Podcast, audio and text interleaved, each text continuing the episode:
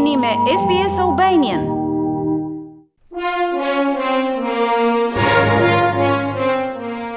Publiku australian i muzikës klasike do të ketë rastin e veçantë të njihet nga afër me tingujt e muzikës kontemporane shqiptare të dhomës, të luajtur në flaut, korno, violin dhe piano. Bëhet fjalë për një aktivitet koncertal që do të mbahet në datë 3 qershor në kishën St Stevens në Sydney ndërsa koncerti Kënga e Shqiponjës, muzikë e re dhome nga Australia dhe Shqipëria që do të zhvillohej më 4 qershor në Melbourne, është anulluar përkohësisht për arsye të paparashikuara, por planifikohet të mbahet në një të ardhme të afërt. Kompozitorët shqiptarë që do të përfaqësohen në koncert nëpërmjet kompozimeve të tyre i përkasin brezit të ri të kompozimit klasik. Ata janë Eriona Rushiti, Enis Mullaj, Ajet Çekiçi dhe Dorian Çene. Pjesët e tyre do të luajnë për krahas muzikës së kompozitorëve australian Ellen Holly, Andrian Pertu, Eve Duncan, Johanna Selleck, Sylvia Simons e të tjerë. Këto koncerte janë shembuj të mundësive që hap shkëmbimi kulturor mes Shqipërisë dhe Australisë në zhanrin e muzikës së re të dhomës për një brez të ri dhe vibrant kompozitorë shqiptar. Liga e kompozitorëve në Sydney dhe Melbourne, së bashku me Universitetin e Arteve në Tiranë dhe mbështetjen e posaçme nga shoqata e komunitetit shqiptar australian me seli në Melbourne, si dhe shoqata shqiptare e Sheppartonit, kanë mundësuar zhvillimin e këtyre eventeve. Një rol të veçantë në prezantimin e pjesëve të kompozitorëve shqiptar ka luajtur kompozitori australian Ellen Holly, Ellen është një figurë mirënjohur dhe e dashur në qarqet e muzikës klasike australiane dhe asaj shqiptare, e që duket se ka gjetur tek kompozimet e këtij brezi kompozitorësh një vlerë të qëndrueshme artistike, të denjë për ta prezantuar tek një publik më i gjerë. Në vijim let ndjekim një bisedë me Ellen ku flasim më në detaj mbi këto bashkëpunime të ndërsjellta muzikore. Intervista është zhvilluar në anglisht. Hello, Ellen. Uh, good to talk to you today. And thank you for taking time to chat together for the SBS Albanian radio program in the lead up to the chamber music events in Sydney and in Melbourne in the near future, featuring new work from both Albanian and Australian contemporary composers. It's absolutely a delight to be talking to you. Thank you very much. Uh, firstly, there are many things that are special about this interview, I, I feel. Uh, I did some research and I was pleasantly surprised to discover that you um, have been supporting and honoring the new chamber music coming from Albania for quite some time now through a number of mutual initiatives uh, with the Albanian composers. Also, through your independent record label, uh, Hammerings Records, which is dedicated to promoting new classical music. You have given voice more than once to rich and active music created by a new generation of classically trained composers born and bred in Albania. I could trace your collaborations with the Albanian composers uh, back to 2017, if I'm not mistaken. Uh, how did you come across such geographically distant music? What happened was um, in 2016, I was invited with the great Sydney trumpet player Paul Goodchild to go to Croatia, Serbia, Slovenia, and Albania for uh, concerts and lectures at the university.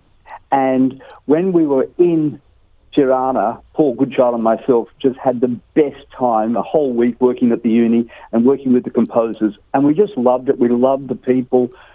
The young composers um, were really sort of forging forward after having not had a great time in previous decades mm. in Albania. Mm. As you know what I'm talking about. Yes. And so it was wonderful to hear their work.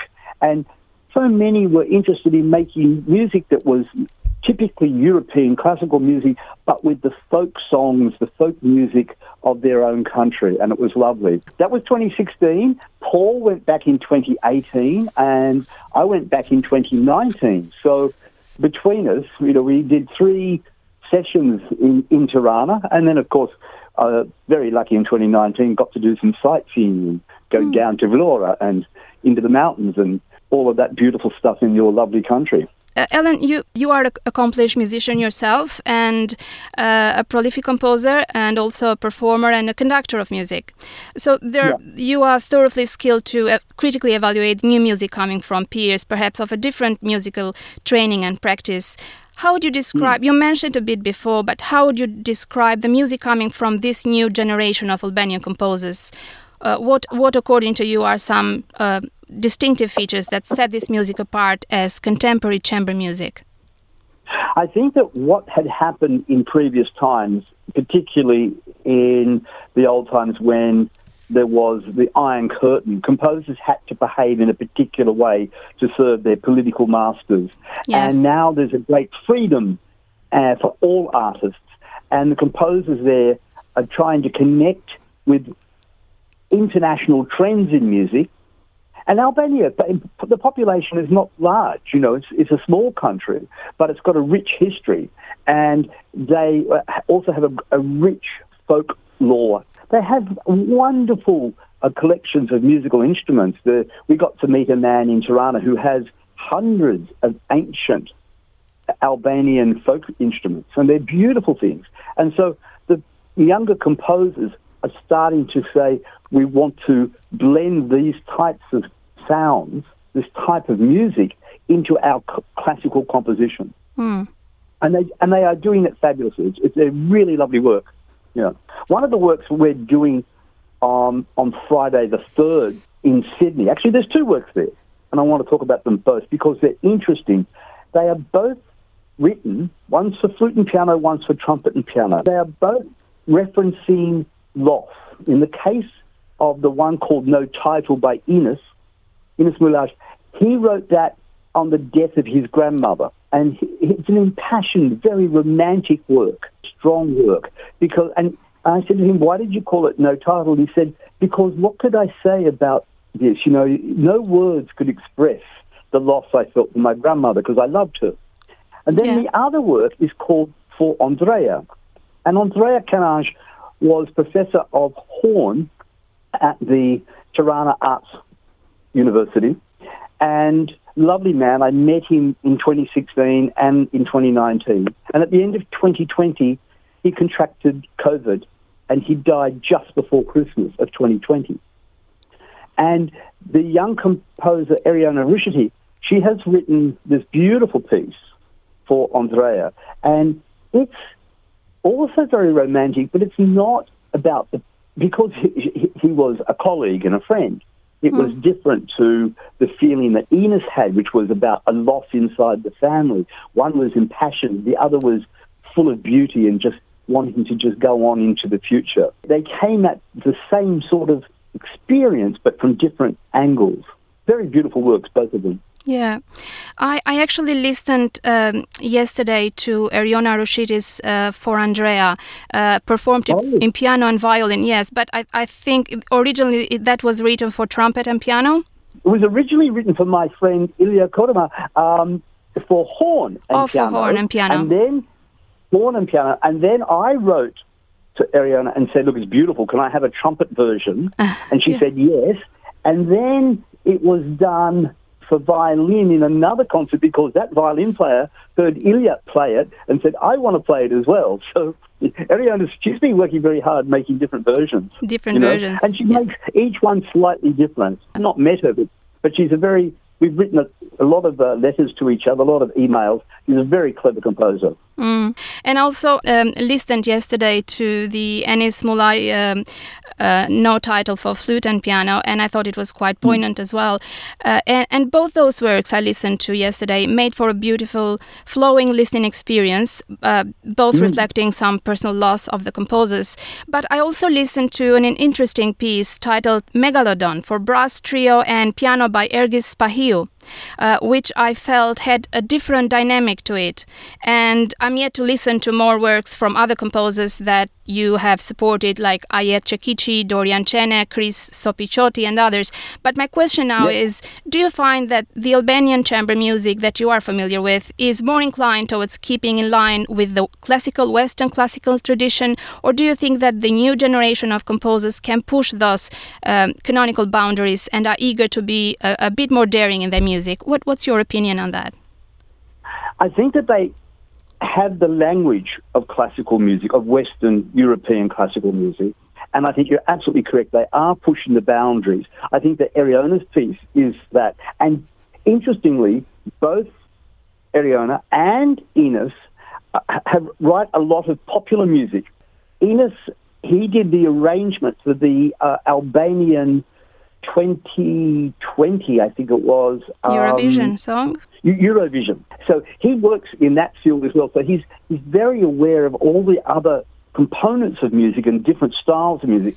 So when he brings it to his new works, some of them have those lovely feelings. Yes, mm. uh, it's interesting you, you, mentioned the Aegis piece because uh, we actually commissioned that work for performance in um, in Tirana, which was great. Yeah, it was very pleasing. Yeah, it, it had a different dynamic. It was it was a clever piece, I thought.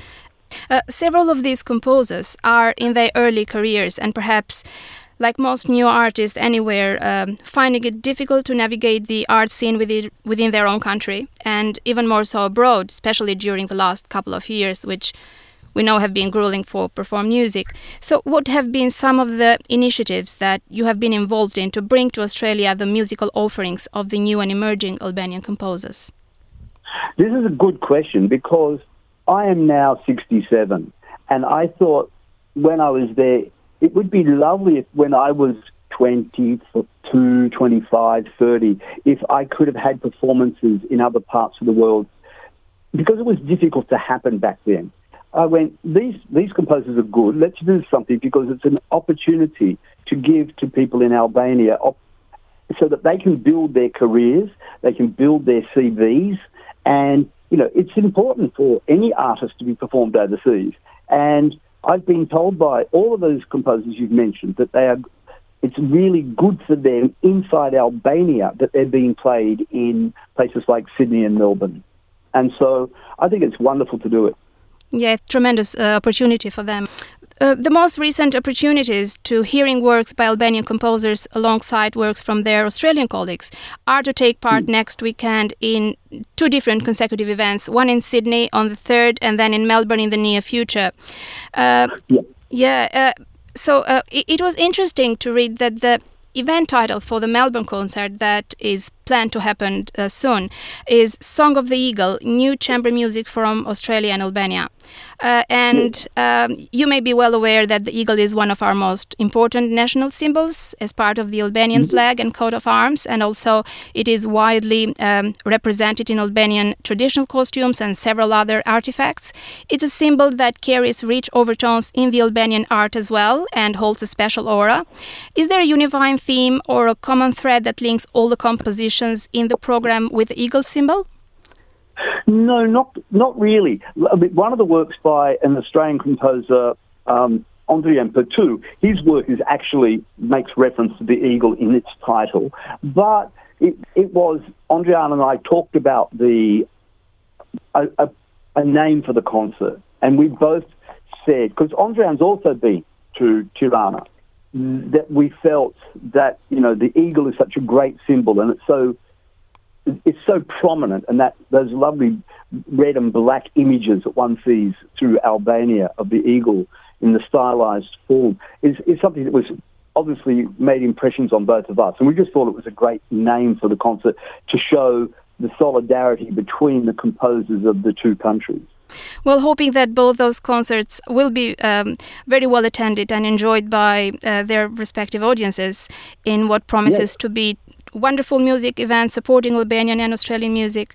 And hopefully, this is just the tip of the iceberg for future collaborations with the present and emerging composers from Albania. Well, we have, luckily, for the last five years, um, I think we've performed about 10 Albanian works, which is great, by about five or six different composers. And that's, you know, and we've got, and, and this coming Friday, we in Sydney in the um, St Stephen's Church, we have the lunchtime concert uh, with two works. So you know it's great. Yeah, and, Enis, Enis Mulaj and Eriona Rushiti, I think, are going to be the composers represented in the Sydney concert. Yes, yes, it's going to be fabulous. It's going to be fabulous, yeah. Well, thank you, Ellen, uh, for generously My making pleasure. time to chat with me for the SBS Albanian radio program. And uh, my pleasure. And, and a special thank you um, on behalf of the staff here for contributing with such uh, cordiality to supporting the important body of work of Albanian composers of classical music, and also for providing them with these fantastic opportunities to introduce their dynamic music to wider audiences. Thank you very much. And truth is, they're very good composers, and they deserve to be heard.